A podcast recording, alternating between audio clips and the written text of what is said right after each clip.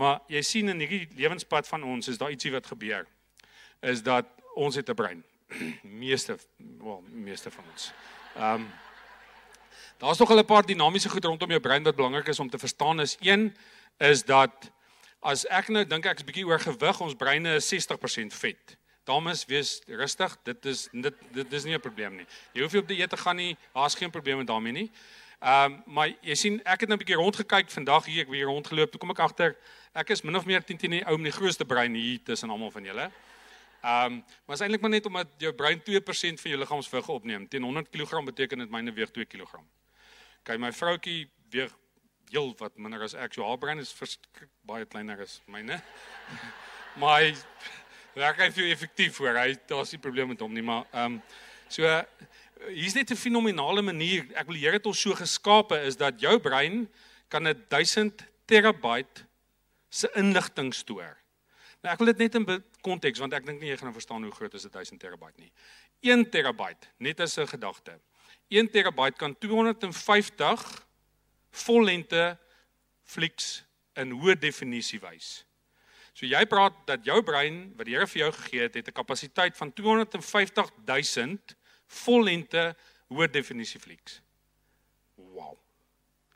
Ek kan die Here jou nie geskiep nie. Ongeag wat jy dink. Jy sien, want die rede hoekom ek dit vir jou wil sê is ek wil net vir jou sê dat enige doelwit en droom waar ons vandag oor praat, jy het geen genetiese afwyking wat jou weerhou daarvan nie. Niks nie. Nie waar jy vandaan kom nie, nie waar jy nou is nie. Daar's niks wat jou stop behalwe jy nie. Ek en jy kan die wêreld en Zuma en die ekonomie en die Guptas en wie ook al probeer skuld gee. En die harde werklikheid is is niemand van daai ons is skuldig in terme van die posisie waar ek en jy onsself bevind nie. Want ons het die tools. Die Here het dit klaar vir ons gegee. Um wat amazing is is dat die Here het 'n beskermingsmeganisme ingebou. Dan daai eerste deel van jou brein, daai breinstam. Ek gaan nou nie vir jou biologie les gee nie, maar het die Here so geskaap om ons te beskerm. Nou hulle noem dit die Rambo brein of eintlik die reptielbrein is ons oudste oudste deel van ons brein. En wat hy doen is hy bepaal jou bloeddruk en jou asemhaling en al daai tipe van goed. Hy doen dit 24 dankie tog 24 ure 'n dag.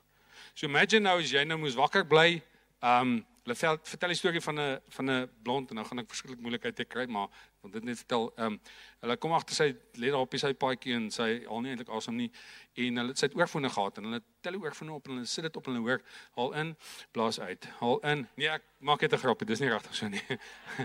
Jou liggaam doen dit self. Die Here het ons so wonderlik geskape. Maar hier's die ding wat hy ook gedoen het, is hy beskerm ons teen goed wat ons vrees. Want jy sien daai breinstam besluit heel eerste.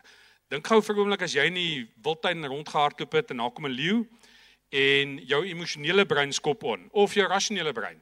En jou rasionele brein sê hm hy lyk nie honger nie. En jou emosionele brein sê nee wat? Ek dink hy's 'n vegetariër. Ek dink hy gaan verby hou. Jy sien dis wat nie gebeur nie want wat jou reptielbrein skop in en hy sê hardloop hardloop papie hierdie leeu kom vir jou en dankie tog want imagine jy het nou daar rondgestaan en gewonder of hierdie leeu vegetariër is of nie. So dit beskerm ons maar wat dit ook doen is as jy onmiddellik hierdie groot doelwitte en drome van jou het of dit finansies is of dit verhoudings is of dit fisies is maak nie regtig saak nie. Skop daai brein in want hy sê o oh, hier kom moeilikheid ek gaan nou moet verander. En dit stop ons. So so enige plek waar jy jouself bevind is nie eintlik jou skuld nie. So ek wil jou sommer nou veronskuldig daarvan. Maar jy kan niets doen daarmee